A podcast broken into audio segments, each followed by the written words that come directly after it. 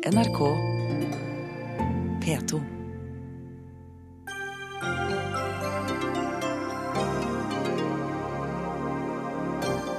Er streiken i Norwegian i det hele tatt lovlig? Tja, sier mange arbeidslivseksperter Dagsnytt 18 har snakket med. Kjos vil tape første runde, mens pilotene vil tape på sikt, spår juristene. Frp håper plastposeavgiften er skrotet for godt etter dagens utsettelse. Da blir det ikke noe igjen av det grønne skiftet i avgiftspolitikken, sier Framtiden i våre hender.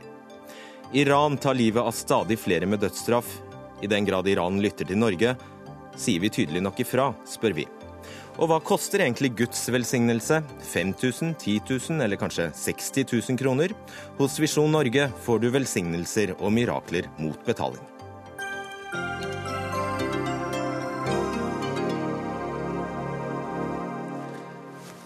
Ja, velkommen til Dagsnytt 18 med meg, Fredrik Solvang. Du hører på NRK P2 eller ser oss på nrk.no. I dag møtte de streikende pilotene i Parat sine nordiske fagforeningskollegaer, som nå anbefaler sine 48 medlemsorganisasjoner med 365 000 arbeidstakere å gå til sympatistreik mot Norwegian. Men er streiken i det hele tatt lovlig? Advokat i Minerva advokatfirma og ekspert på arbeidsrett Jan Tormod DG. Dette handler jo ikke om lønn, og det handler ikke om pensjon primært, men om hvor pilotene skal være ansatt i morselskapet Norwegian Air Shuttle eller datterselskapet Norwegian Air Norway. Og dette er jo ikke vanligvis ting som tas i tarifforhandlinger. Er det dermed åpenbart at dette er en lovlig streik? Det er en lovlig streik fordi pilotene vil gjerne ha en tariffavtale med sin arbeidsgiver. Og, inntil, og De har gått til streik fordi at de har ikke avtale med arbeidsgiveren, og arbeidsgiveren er morselskapet, Shuttle. Og det kan slås fast helt utvetydig? For meg er det helt klart at det er morselskapet, og Kjos bestemmer over datterselskapet. Og, og eh, norsk arbeidsrett er ganske enkelt slik at det er den som har den reelle innflytelse over beslutninger, kontrollerer kontrollere og lede arbeidet, som er arbeidsgiver. De kan være formelt ansatt hos datteren, hvis jeg kan bruke datterbegrepet. Men i vårt tilfelle så er det morselskapet som bestemmer, og da vil det bli et delt arbeidsgiveransvar. Så de kan godt ha en, godt ha en um, tariffavtale med, med datterselskapet, men morselskapet, som har et delt arbeidsgiveransvar, må gi sin tilslutning til den tariffavtalen. Henning Heitmann, du er advokat og spesialist i arbeidsrett hos Stenstrup Stordrange. Er du enig i at denne streiken er lovlig?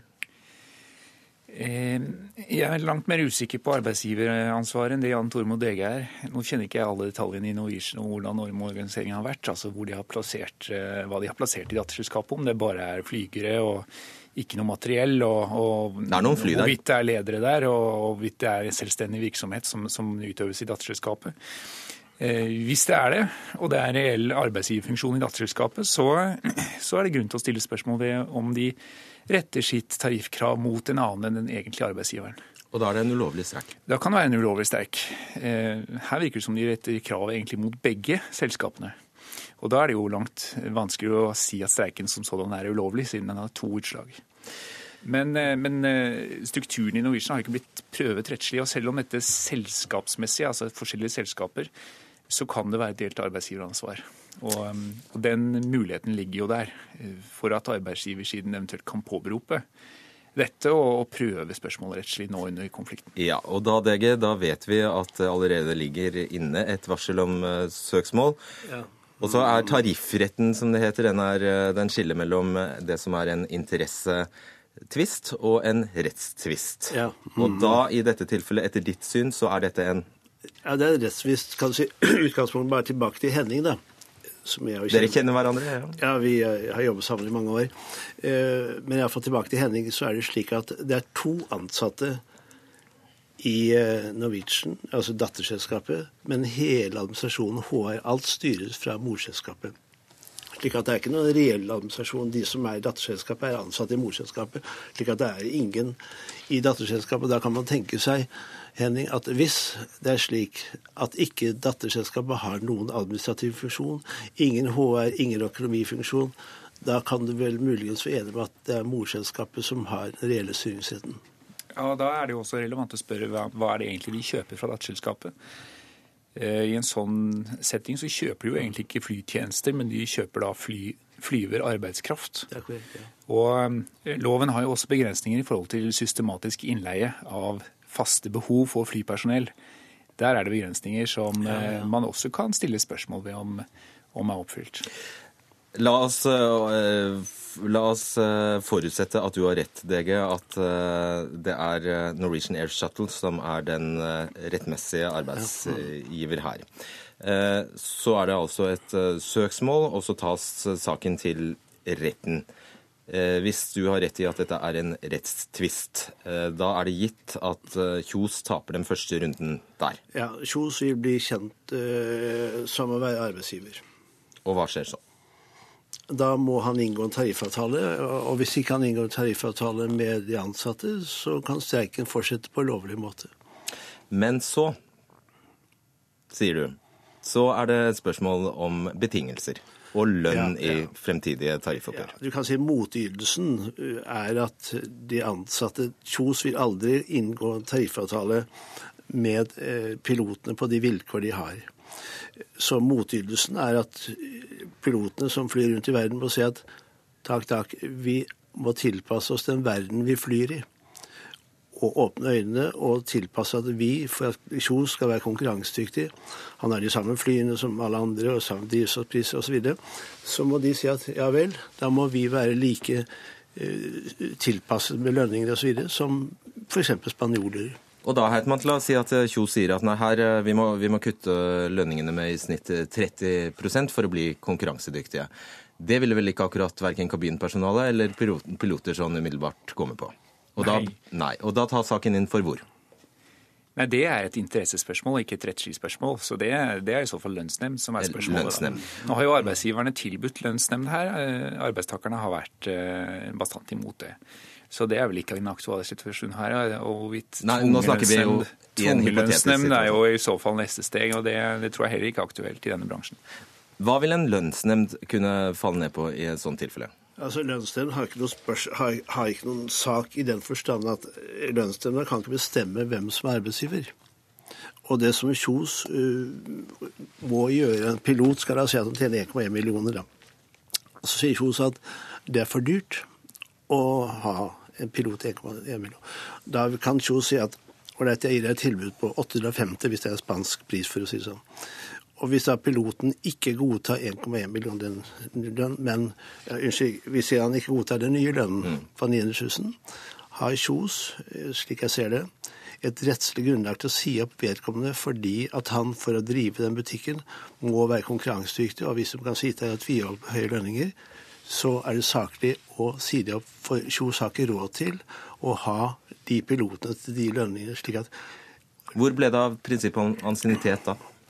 Ja, du kan si at ansienniteten er et prinsipp, men du kan ikke si nå har jeg vært der i 20 år, så nå skal jeg ha 1,1 million. Eh, Hvis det ikke det er konkurransedyktig, så det overordnede for norsk arbeidsliv er å ha konkurranse Altså vi må ha bedrifter som tjener penger, for uten at vi tjener penger, så kan vi ikke ha velferdsordninger osv. Så, videre. så så enkelt er altså det. Så de, alle må tilpasse seg her. Heitmann? Her er kanskje ikke helt enig. Jeg er enig i prinsippet om at lønnsnemnd ikke kan avgjøre hvem som er arbeidsgiver. Det er et rettslig spørsmål. Så Det forutsetter at partene er enige om hvem som skal være parter i denne tariffavtalen. Men når du sier at, at eh, oppsigelse kan være berettiget for de som ikke vil akseptere å gå ned i lønn, så er, så er nok det feil. Fordi et streikegrunnlag og en fortsatt streik, som for så vidt kan vare i evigheten, vil aldri gi grunnlag for, for en oppsigelse.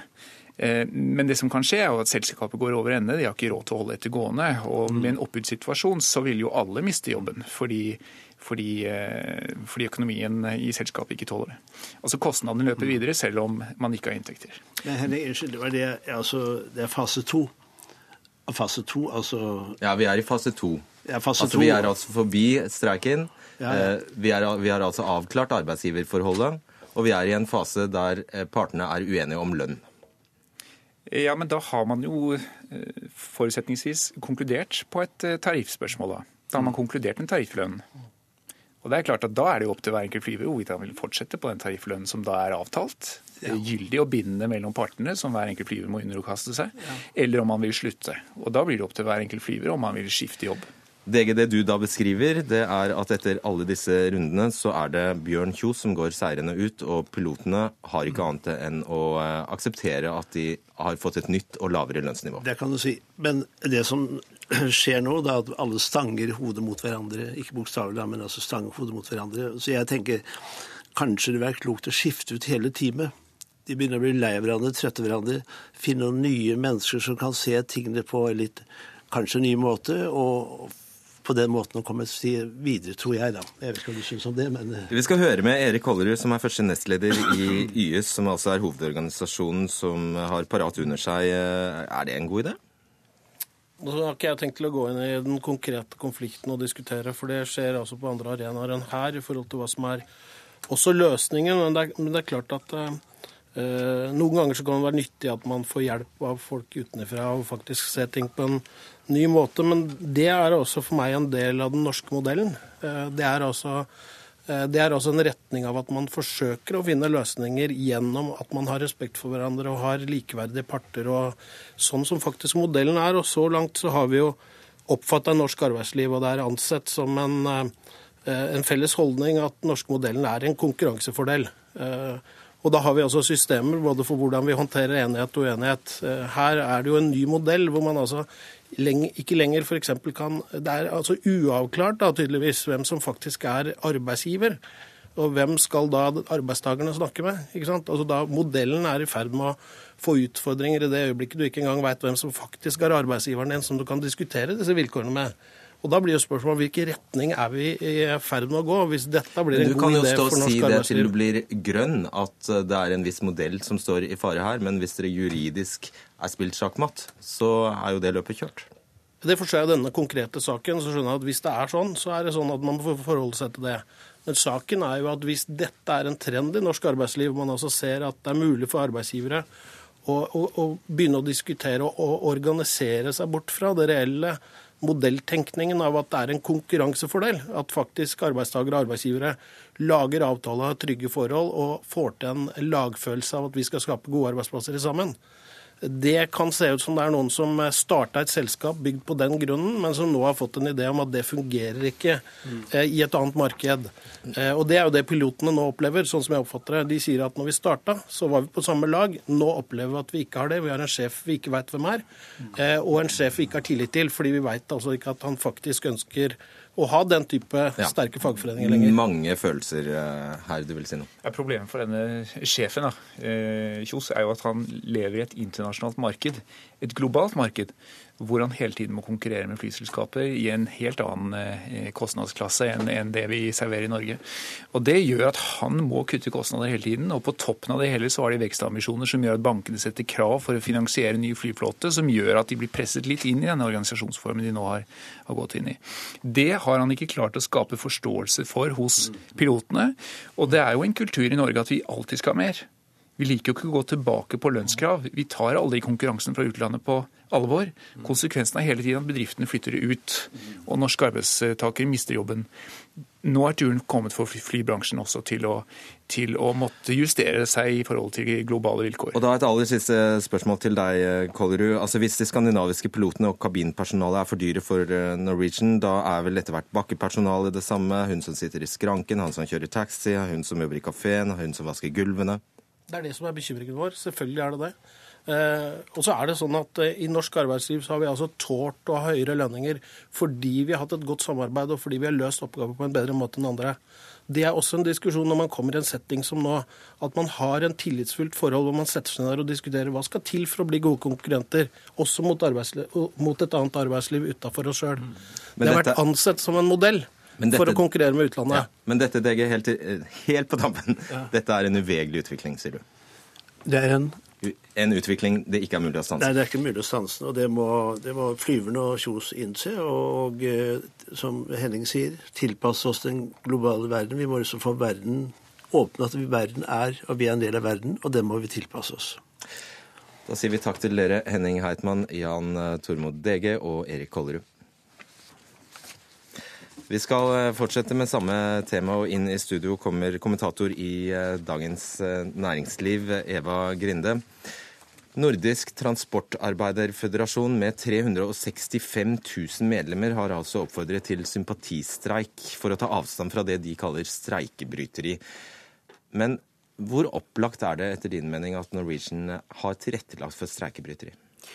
Det er jo ikke opplagt, og det er jo noe av eh, kjernen i, i problemet her. fordi at streikebryteri, det handler om å sette inn eh, folk i jobber eh, der de streikende jobber i den streikende bedrift. Og eh, Kjos sitt moderselskap sier jo at den er ikke i streik, det er datterselskapet som er i streik. Og dermed så, så, så kan han argumentere for at eh, når han henter inn folk for å betjene sine kunder, så er ikke det streikebryteri. Og det er jo akkurat det som er pilotenes poeng. Ja, det er nettopp det. Og det er jo nettopp det som illustrerer hva det er de er så redde for med å bli organisert i datterselskaper, nemlig at de ikke skal få forhandlingsrett, og at de ikke skal få eh, streikerett, eller rett til å eh, streike på en måte som faktisk eh, virker, da. Og rammer. Og rammer. Ja, nettopp. Uh, Norwegian skal altså uh, angivelig uh, nå leie inn fly og mannskap fra 17 selskaper. Selskaper vi aldri har hørt om. De heter ting som Smartlynx, Titan, Sunadria, Euro Euro Atlantic, Jet2, Highfly, Small Planet osv.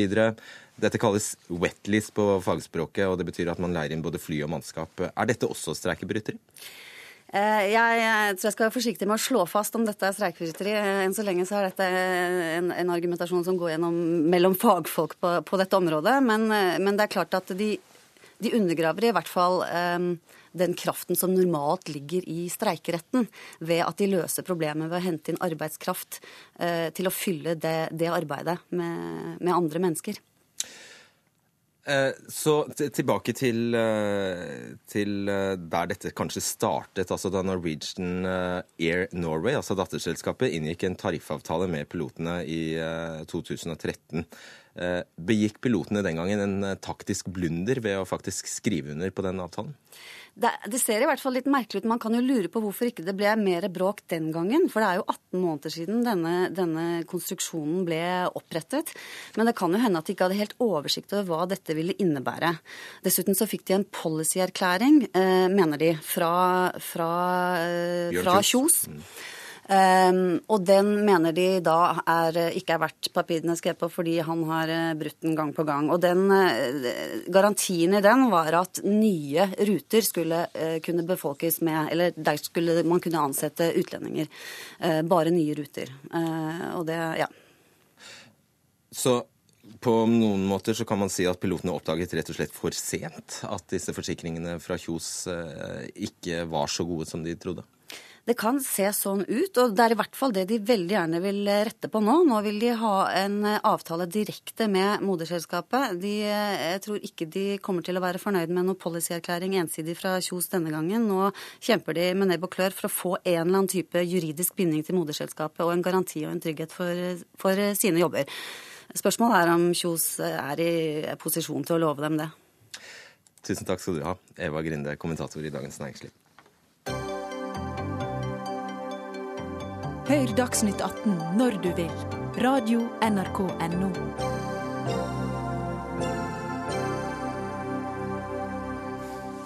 Jensen-posen, eller var det Trine-posen, blir skrotet bare fem dager før den skulle settes i verk. Plastposeavgiften på 1,50 per pose skulle gi 1 milliard kroner ekstra til staten i året men ble i dag utsatt til behandlingen av revidert nasjonalbudsjett, som altså foregår i mai. Og nestleder i Frp, onkel Pose, Per Sandberg.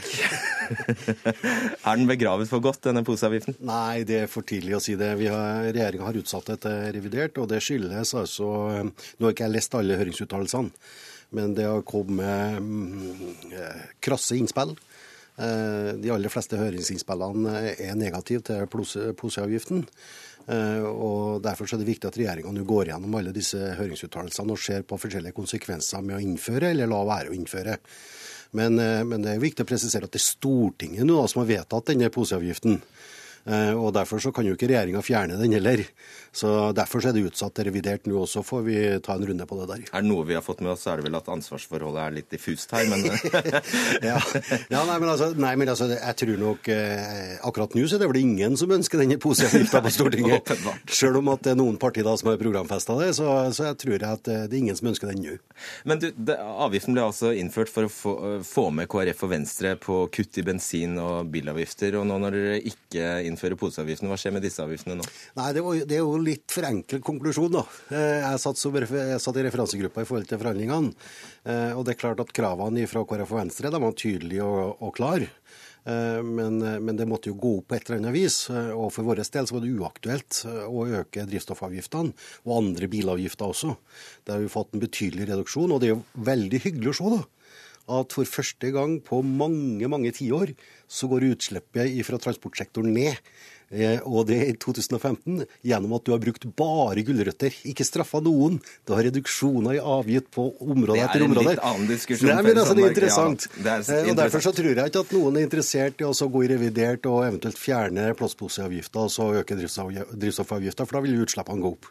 Arild Haunstad, du er leder i Framtiden i våre hender, og du er vel en av eh, veldig, veldig få som er lei deg i dag? Altså, I utgangspunktet gjorde de det på en ganske dårlig måte. Eh, her hadde Vi altså vi har jo utredet plastposeforbud tidligere. Eh, fått forslag om eh, avgifter, og dette burde vært gjort som et litt mer gjennomtenkt forslag. Men når det først lå på bordet, så er det å kutte engangsbruk, altså bruken av engangsposer et ganske bra miljøtiltak. Det er mange land som har avgifter. Eh, posebruken går kraftig ned, eh, og det har store miljøfordeler. Så eh, det er jo litt dumt at ikke de, at de, at ikke de klarer et sånt relativt greit miljøtiltak. Det er ikke det viktigste, men det er jo også greit at det skal være dyrt å forurense og dyrt å, å være dårlig på miljø. Hva er miljø, miljøgevinsten? Miljøgevinsten er at du sparer en del eh, fossile utslipp. Altså du må, du må jo, For de lages av plast? Det lages av plast, og det lages av olje igjen. Eh, I tillegg så er det noen poser som helt åpenbart ikke eh, har så veldig god nytte. Altså det, er, det er et vanvittig overforbruk. De tyter ut av skuffer og skap. Og selv om du da kan brenne de, så er ikke det spesielt lur måte å, å bruke fossile ressurser på, altså bruke olje på. Og så er det jo eh, veldig mye plast som havner i naturen. Eh, så egentlig så skal vi slutte med, med plastposer i løpet av 20-30-40 år, og det er like greit å komme i gang. EU har satt i gang et svært arbeid for å få ned plastposebruken, og Norge må jo før eller siden hive seg på den trenden. Direktør i Virke dagligvare, Ingvild Størksen. Eller siden tar jo oljen slutt. Da må vi uansett kutte ut dette her. Altså, vi er jo først og fremst veldig glad for at regjeringen har, har hørt på oss og trukket i nødbremsen her. Eh, for eh, det som er tilfellet, er jo at, eh, som Arild sier, at denne avgift, avgiftsforslaget var veldig lite gjennomtenkt. Det som vi ser her, er jo for det første at Miljødirektoratet har sagt tidligere at poser er et ubetydelig miljøproblem. Vi ser at forslaget ikke hadde insentiver til å f.eks. bruke gjenvunnet plast. Vi ser at mange av posene også brukes til materiale materialgjenvinning. Eh, og vi frykter jo at denne poseavgiften, sånn som den var foreslått, også ville true de gode gjenvinningsordningene på plast som vi har i dag. Hvor, eh, hva er logikken bak det? Det er jo fordi at eh, bransjen har tatt ansvar i Norge eh, ved frivillige ordninger hvor vi samler inn og resirkulerer plast. Det er da plastposeimportørene, produsentene, bidragsytere til. Og Det er jo en viktig grunn til at Norge ligger veldig godt an på plastgjenvinning i Europa. Heimsa. Dette er et litt syltynt argument. Eh, det er mange land som har eh, poseavgift som er bedre enn oss på gjenvinning. Eh, og det er jo ikke rart at Virke syns at dette er en bra ting. De, mange av medlemsorganisasjonene selger disse posene for én krone i dag, med en avans på 75 øre. Jeg tror det er en av de varene som har høyest inntjening. Så de, de, går jo glipp av mange millioner hvis det blir en avgift, for da blir plutselig folk stilt overfor et valg hvor man kanskje ikke skal kjøpe disse posene. Så de har en skjult agenda? I tillegg, ja, altså jeg vil jo også si at De som deler ut gratisposer, de gjør det jo fordi at det har en veldig god reklameeffekt. sant? Altså Hvis du deler ut når man går rundt på T-banen eller hvor man går med disse posene, så jeg skjønner jo at Virke ikke var så veldig glad for dette forslaget. For mange av medlemsorganisasjonene kan da tappe penger på at vi blir litt mer at vi blir litt mer bevisst. Vi kan f.eks. bruke flergangsposer. Det er en veldig grei måte for forbrukerne å unngå avgiften på, noe Siv Jensen også sa. Og Per Sandberg, i noen dager der så gikk jo du rundt med en sekk. Ja, jeg går med sekk hele tida, men, men, jeg må jo innrømme at det finnes noen plastposer i, i hjemmet mitt også.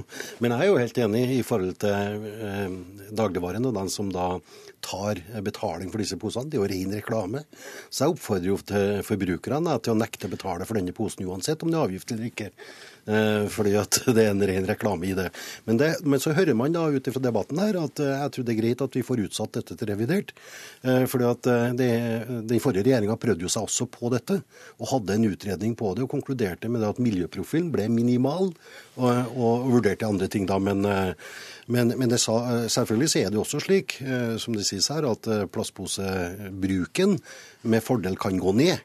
Eh, så er spørsmålet hvordan man skal gjøre det. Men har ikke du da satt dette, eh, nettopp det i fare ved å eh, bidra til å håndtere saken så innmari klønete? Nei, altså det var to parti som hadde dette i sine Det var jo ikke lekkert i dagene der, ja. Nei, jeg, det, altså, jeg er enig med statsministeren. Hun sier i dag at av alle dumme avgifter, så var denne avgifta kanskje minst dum, egentlig. Og så er det jo sånn, i mine øyne så er i hvert fall dette en avgift som er valgfri, da. Eh, man må jo ikke kjøpe plastpose, man kan bruke gjenbruk og man kan bruke ryggsekk.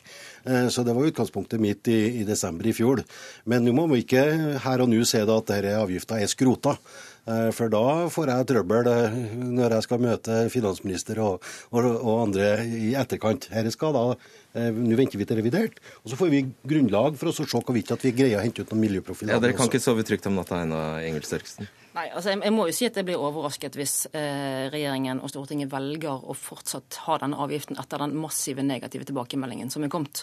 Jeg har lyst til å si, eh, som svar til dere i sted, altså, eh, Bransjen min produserer jo også eh, handlenett, eh, selvfølgelig. Eh, også fordi at vi vil gi folk alternativer til å bare bruke det antall poser de faktisk trenger. Men man kjøper jo, unnskyld, men man kjøper jo ikke det nettet så lenge posen er så billig? Mange kjøper det nettet. Det gjør de. Eh, og vi har jo all interesse av at eh, disse postene med logoer på blir liggende alle andre steder enn i naturen.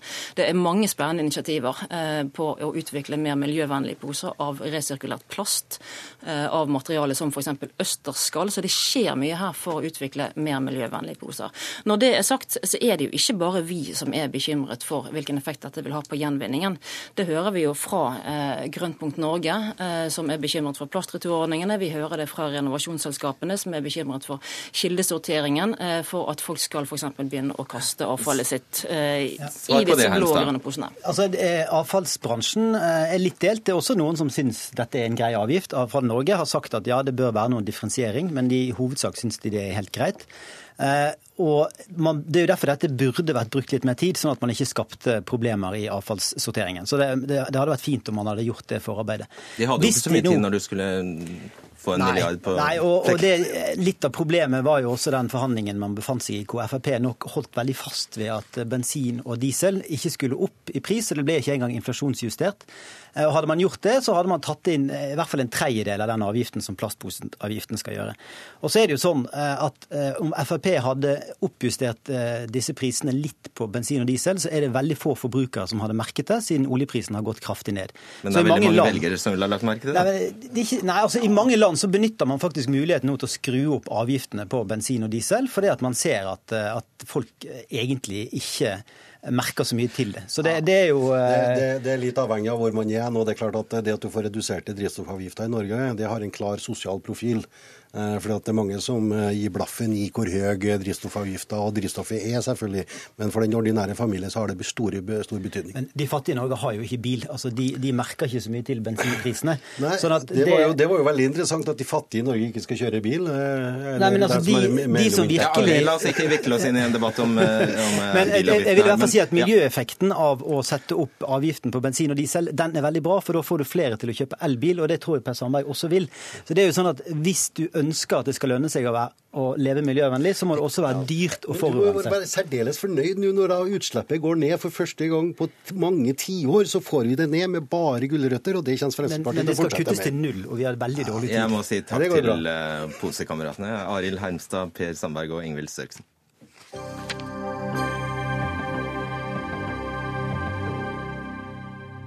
Da har det akkurat kommet inn melding om at eh, etter det NTB erfarer, skal partene i Norwegian-streiken ha kommet til enighet, og streiken skal være over. Eh, vi eh, forsøker selvfølgelig å få med oss mer om dette så snart vi har ting på plass her og skal prøve å sette over til en pressekonferanse. Men eh, ja, det, vi jobber med den saken eh, nå. Det skal altså være slik at eh, det skal være enighet mellom partene, slik at streiken i Norwegian skal være over.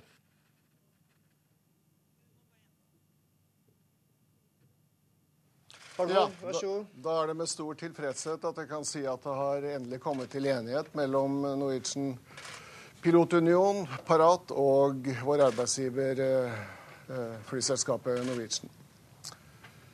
Og eh, det er også med tilfredshet jeg kan si at vi har fått våre hovedkrav igjennom. At vi har en binding som, og en garanti til morselskapet som er både økonomisk og juridisk og faktisk eh, bindende og reelt. Vi har også fått en, eh, på plass en såkalt eh, master seniority list, altså en ansiennitetsliste, som sikrer karrieremuligheter og rettferdighet eh, og forutsigbarhet. Eh, hvis man ønsker å bytte flytype, bytte base, og eventuelt oppgradering fra styrmann til kaptein. Og vi har også fått på plass en tarifflojalitet, dvs. Si en garanti at, som går på antall hoder ansatt, slik at ruter som eventuelt blir snudd og fløyet fra sydligere farvann, blir erstattet med, med andre ruter. Da. Så, så personellmessig så står vi ikke overfor en en reduksjon som var et bilde vi hadde for bare få uker siden, at vi var overtallige. Så summa summarum er vi eh, veldig tilfreds med eh, resultatet. Ja. Og nå eh, har vi og pilotene i Norwegian vært gjennom en lang og alvorlig arbeidskonflikt. Den er nå avslutta gjennom at man har funnet ei løsning. Og nå er det viktig at eh, alle sammen eh, retter blikket framover. Eh, og at både passasjerer og ansatte og selskapet er trygge på at det går den veien. Ja, altså det er jo selvfølgelig veldig gledelig at vi kan begynne å fly igjen. Det er der vi hører hjemme, både piloter og fly, og ikke minst passasjerer som skal fly med oss og komme seg fram. Og igjen må vi bare beklage over det forferdelige Eh, situasjonen mange har vært i disse eh, ti til elleve dager denne streiken har vart, men som dessverre har eh, vært nødvendig. Vi er da også i den situasjonen at vi da fortsatt har våre svenske og danske venner i, sammen med oss i, i, i Norge, altså alle kollegaene som er i samme forening, Norwegian Pilot Union. Og vi har norsk forhandlingsrett eh, fortsatt, og det er norsk jurisdiksjon som gjelder da under uh, arbeidsrettslige tvister altså, og, og, forhandlingssituasjon. Noe som var veldig viktig å fortsette den modellen, og det er da på plass.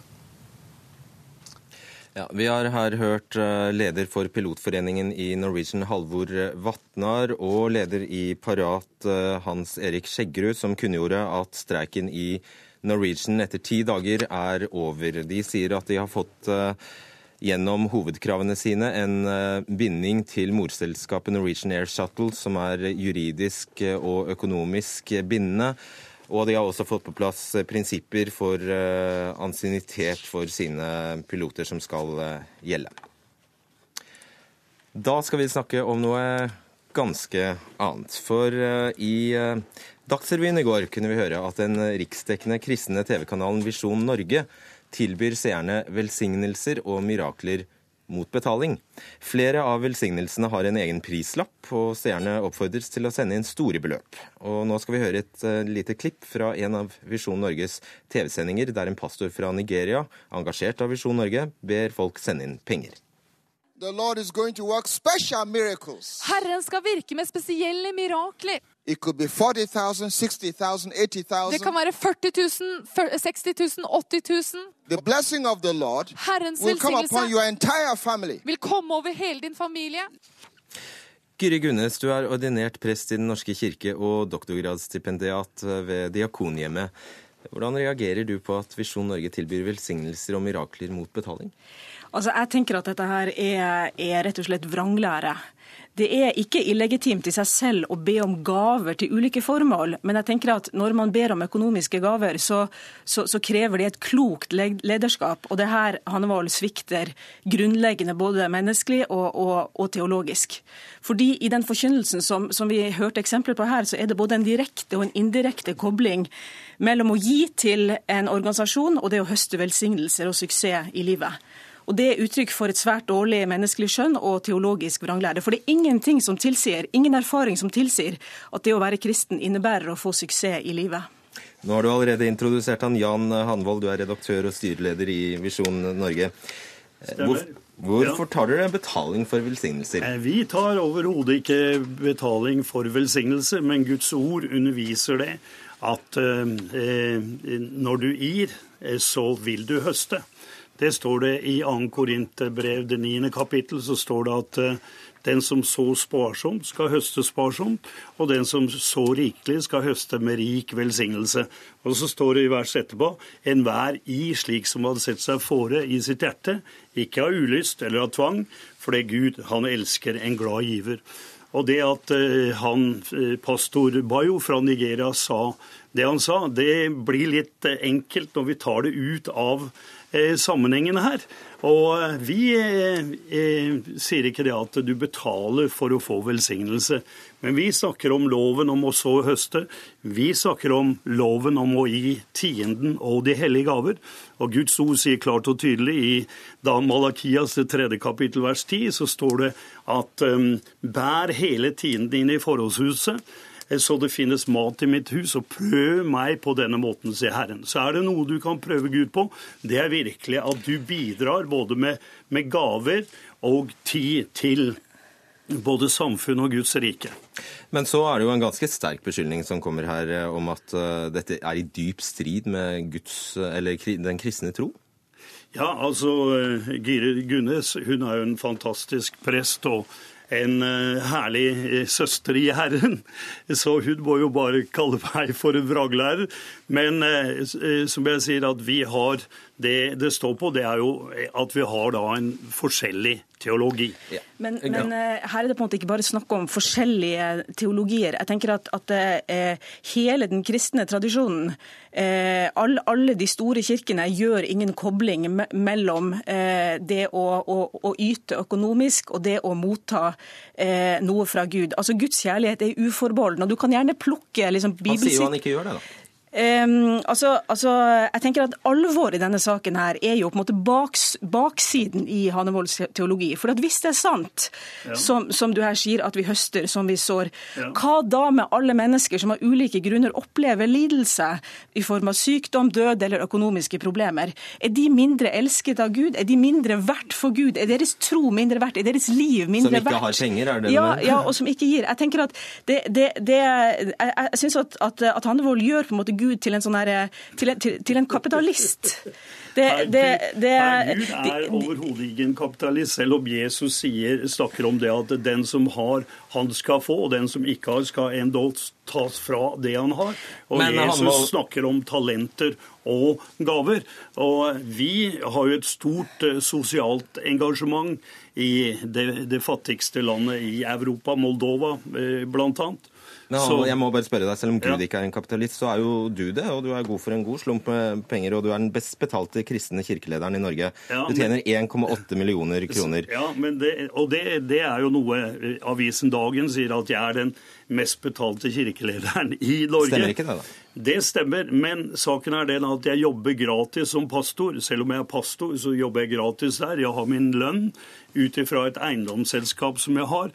Jeg har eh, fire leiligheter som jeg leier ut, og et hus som jeg leier ut pluss at jeg er eh, aksjonær i forskjellige selskaper.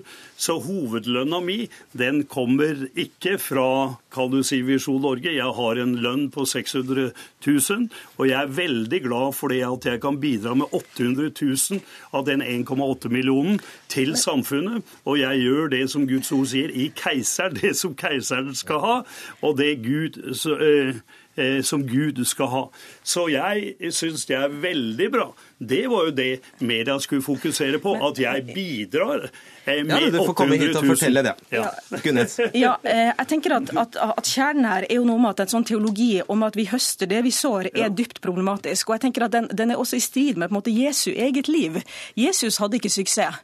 Jesus ble korsfesta, og, og, og, etter at han sto opp fra de døde, så var hendene hans fortsatt naglemerket.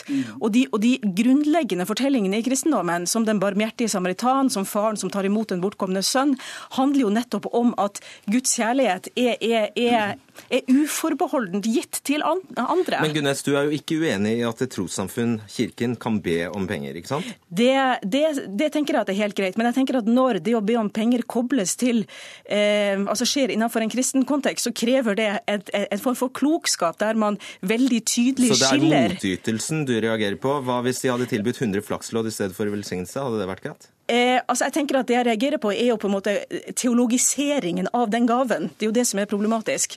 Og, og, og det er på en måte der det etiske og teologisk problematiske oppstår.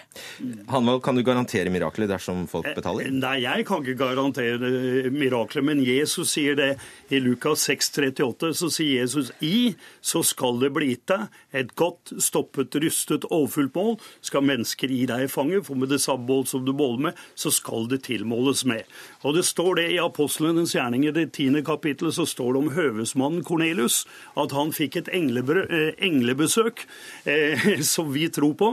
Og da sier engelen til, til Kornelius at dine bønner og dine almisser er steget opp til Gud, og Gud har blitt minnet om bønnene dine og det du har gitt til de fattige. Kort til slutt, Gunnes. Jeg tenker at, at Det problematiske med den, med den, teologien her som sier at man høster det man sår, er jo at man gjør mennesker skyld i sin egen lidelse. Fordi at man indirekte sier at de ikke har trodd nok på Gud, at de ikke har gitt nok til din organisasjon. og Det opplever jeg som en dypt uetisk teologi og i strid med eh, den store tradisjonen av kristen lære. Jeg må si takk til dere der, Jan Hanvold og Gyri Gunnes. Takk skal du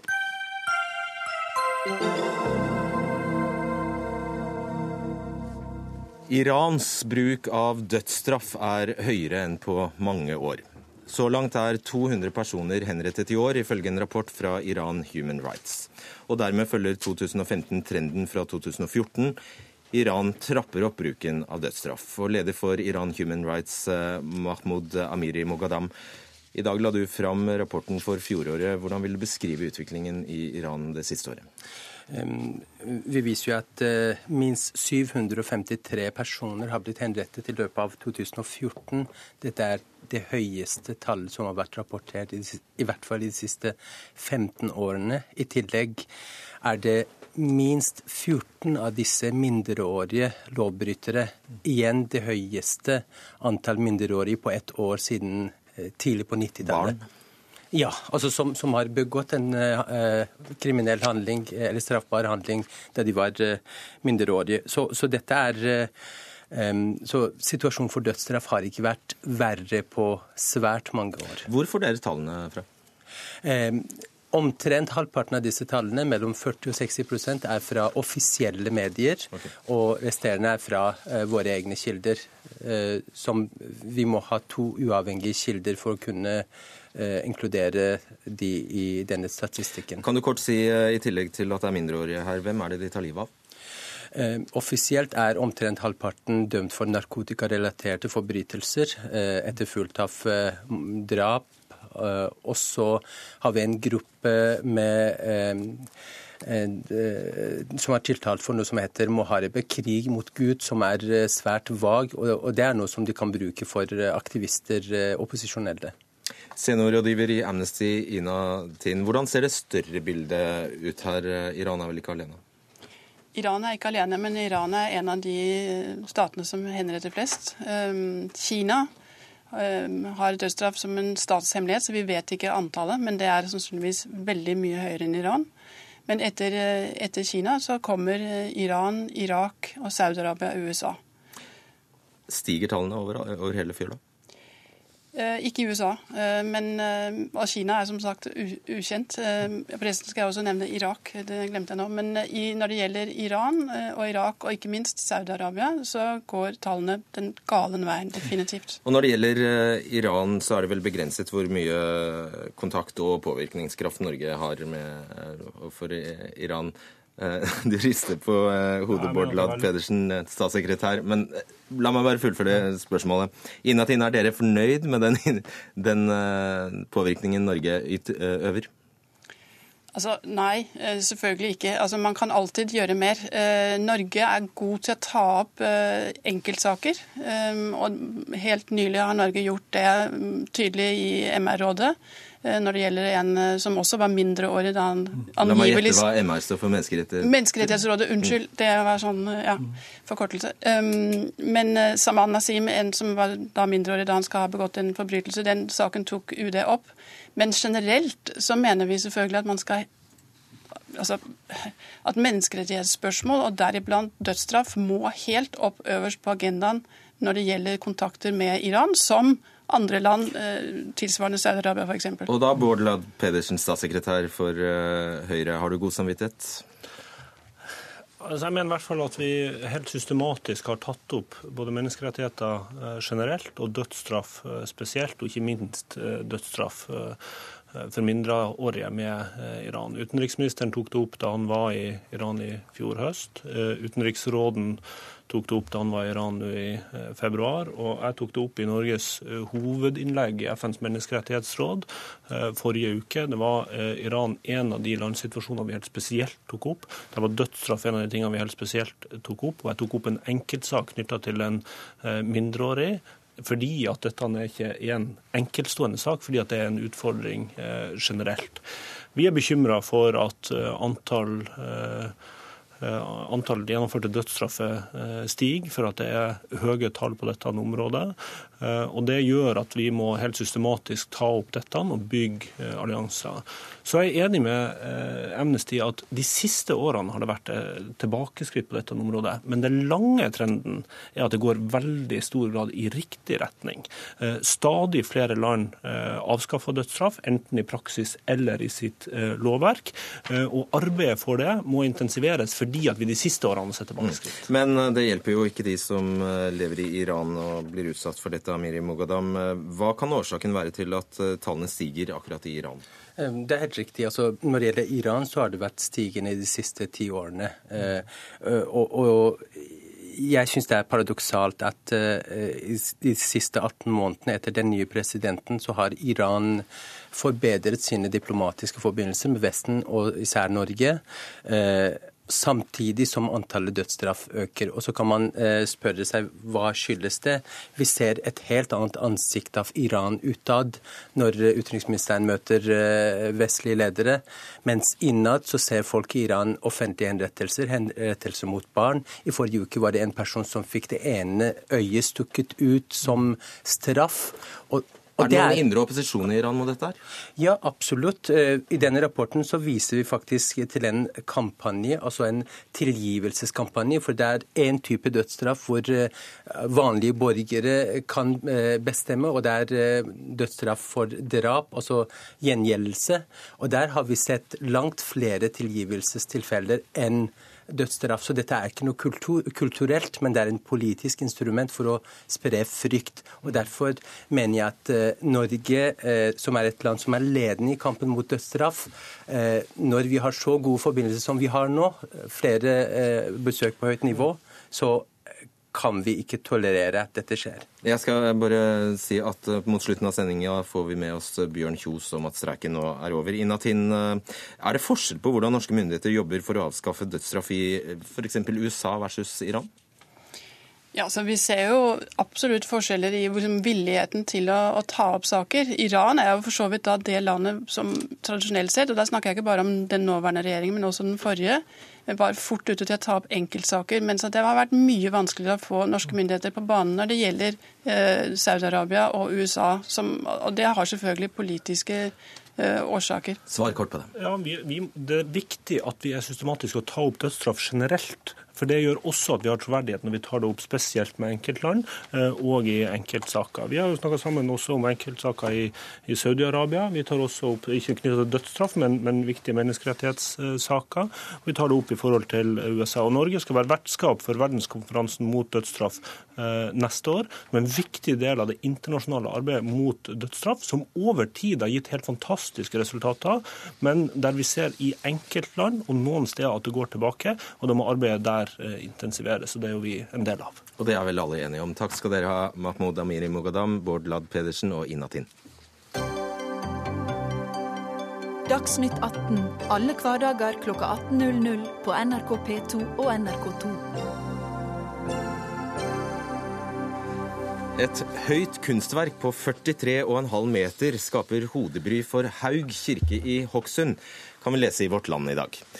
Kunstneren Morten Viskum ønsker å bygge et gigantisk kunstverk med en byste av seg selv på toppen, like ved gravplassen til kirken.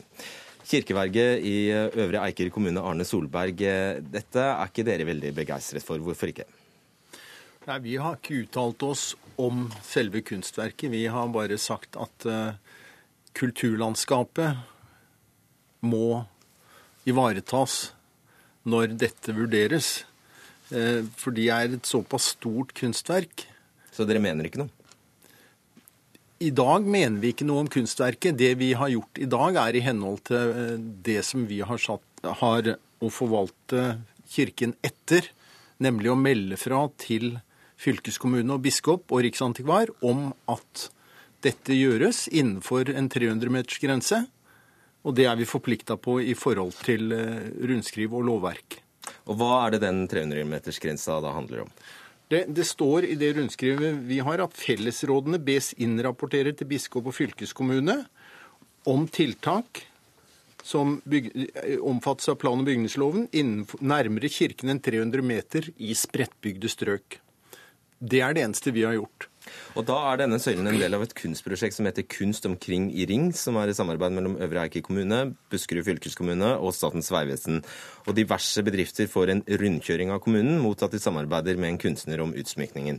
Kunstner Morten Viskum, du er vant med at kunsten din lager overskrifter. Du har bl.a. Eh, lagd avstøpninger av deg selv som Jesus. Og nå skal du altså trone på toppen av, en, eh, av et skyhøyt kunstverk rett i nærheten av en kirke. Hvorfor det? Det har jo ikke noe med kirken å gjøre, det har med rundkjøringsprosjekt å gjøre. Eh, og denne bedriften eh, har eh, overlevd fordi de har En betongbedrift? En betongbedrift. Lo betong. Fordi de har så kort vei til nærmeste sandtak. Så min idé er å bygge da en, en søyle av disse betongrørene de produserer, med en byste på toppen som skal se bort på dette sandtaket. Og det skal være deg? Det skal bli meg, ja. Og bysten er laget. Og det er jo litt sånn Det gjør du ikke ustraffet i Norge, og så setter deg selv så høyt over alle andre. Litt smakløst. Jeg tror det er bare jeg og Christian Ringnes som kunne finne på noe sånt nå. Mens samtidig så er det noe veldig beskjedent over det òg, fordi jeg kommer så høyt opp at det er ingen som ser det, hvem det er, og jeg tror heller ikke noen vil se at det er en byste på toppen. Ja, men hva er vitsen da? Det blir et fantastisk fint kunstverk. Og Hva er da problemet, Arne Solberg? Er det høyden her som kan bli problematisk? Problemet har ikke vi sagt så forferdelig mye om, men, men vi får spørsmål fra de som benytter gravplassen, som er bekymra for at dette vil forstyrre det de opplever når de skal begrave sine døde og besøke gravene. Og I tillegg så har Haug kirke vært et landemerke i området siden 1100-tallet. Og Derfor så har vi påpekt at det bør vurderes hvordan dette signalbygget i dette kulturlandskapet vil bli forstyrret eller ikke forstyrret av et så svært kunstverk. Det er det vi har påpekt. Vi har ikke uttalt oss om kunstverket. Det skal vi gjøre når vi får det til behandling. Kan du ikke gjøre det, da? Jeg kan godt si og synse. Ja, og synse? Nei, jeg syns at det er stort. Altfor stort. Og altfor nærme kirken, og altfor nærme kirkegården. Hva syns du om at Viskum skal trone på toppen? Altså, jeg Morten er en flott fyr, så han må gjerne trone på toppen. Men jeg tenker at i det landskapet, som har hatt et monumentalbygg siden middelalderen, så kan det hende at man bør tenke seg om flere ganger og forstyrre det monumentalbygget. Du er estetisk støy, Fiskum? Nei, jeg tror at vi kommer til å bli veldig gode naboer der. og Hokksund er jo også blitt en by, og uten at jeg har noe tall på det, så tror jeg halvparten av norske byer har bygg som er høyere enn kirkebygget. Så dette vil før eller siden komme til Hokksund også, og jeg tenker at dette her eh, har ikke noe med at jeg ønsker å trone over kirkebygget å gjøre. Dette kommer til å bli gode naboer. Og jeg tenker at Siden Kjo-streiken er over, så tenker jeg at jeg skal nå sette i gang en kronerulling for at vi kan pusse opp eh, kirketårnet der med ny maling, så jeg gir herved 10 000 kroner til det, og håper at andre bidrar med det samme. Det er veldig bra. Vi er i ferd med å pusse opp kirken, og vi kaller ikke Viskum eh, estetisk støy. Er det det vi kaller oss sukkerpillen, eller? men, men, det vi sier, er at det kan hende det er litt historisk støy akkurat i landskapet. Og hvorfor vi har uttalt oss, er fordi at det er innenfor 300-metersgrensen i spredtbygd strøk. Men er, er det innenfor med et kirkebygg eller kirkegården? for dette den? Kirkebygget. Kirkebygg, ja, for da, da, tror jeg kommer til å ligge godt an. 350 meter bort. Viskum, helt til slutt. Eh, Lo Betong eh, ser på dette som en slags markedsføring. Har du lånt vekk din kunstneriske integritet til et betongfirma? På ingen måte. Dette blir et veldig fint kunstverk. Og tårnet ditt skulle faktisk vært enda høyere? Ja. Han godkjente 61 meter, men pga. grunnforholdene så er det redusert nå til eh, noen og 40 meter. Det er vel du glad for, Solberg? Ja, definitivt. Til sammenligning så kan jeg jo si at Olav Tryggvadsund-statuen i Trondheim er 18 meter, så det er, det er ikke noen liten søyle. Vi får ønske dere lykke til, begge to, Morten Viskum og Arne Solberg.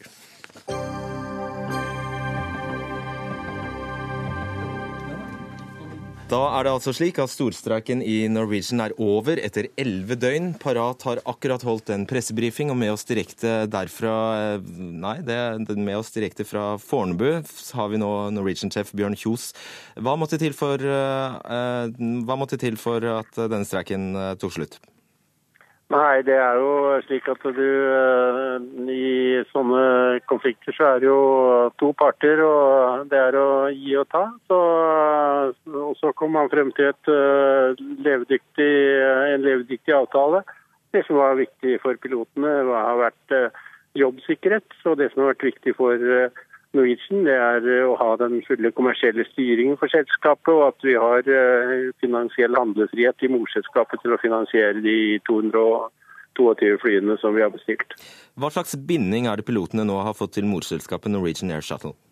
Nei, De har for så vidt ikke fått binding på den måten, men de har fått en jobbsikkerhet for de neste tre årene. Og hva, Hvordan lyder den sikkerheten? Ja, Nå har ikke jeg ordlyden foran meg, men den, den gir de pilotene vi har i dag, en sikkerhet for at de skal vi ha i de neste tre åra. Det har vi hatt, og de, vi trenger de og mange flere til. Og vi skal ha mange, mange fly inn. Og hva skjer etter de tre årene? Ja, altså, vi, Det er ikke sånn at piloter, flyene kan fly uten piloter, så vi trenger dem i mange, mange år. vi. Det, vi trenger pilotene. Bare for å ha det på det rene. Tariffavtalen den skal fremdeles inngås mellom datterselskapet Norwegian Air Norway og pilotene? Ja, eller de, rett og slett de selskapene som pilotene nå er ansatt i. Fordi de er ansatt i disse tre Ja, det stemmer. Du oppretta tre nye, ja. sånn var det. Et annet av resultatene av streiken er altså at pilotene går fra ytelses- til innskuddspensjon. Hva slags konsekvenser har det? Ja, Det er klart at det senker kostnadene for konsernet. Så Det er vi veldig glad for at det kom på plass. Kan du nå si hvor mye denne streiken har kostet deg? Nei, det, er, det, kan jeg ikke si. Det er altfor tidlig.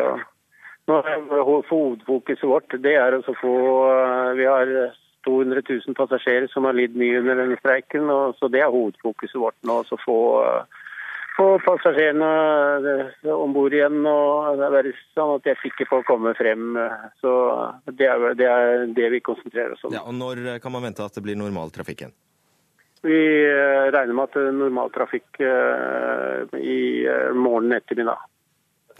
Da sier jeg tusen takk til deg, Bjørn Kjos. og Alt dette skjedde altså mens vi hadde vår Dagsnytt 18-sending her på Marienlyst. Ansvarlig for den var Ida Tune Øresland. Teknisk ansvarlig var Marianne Myrhol. Og jeg heter Fredrik Solvang.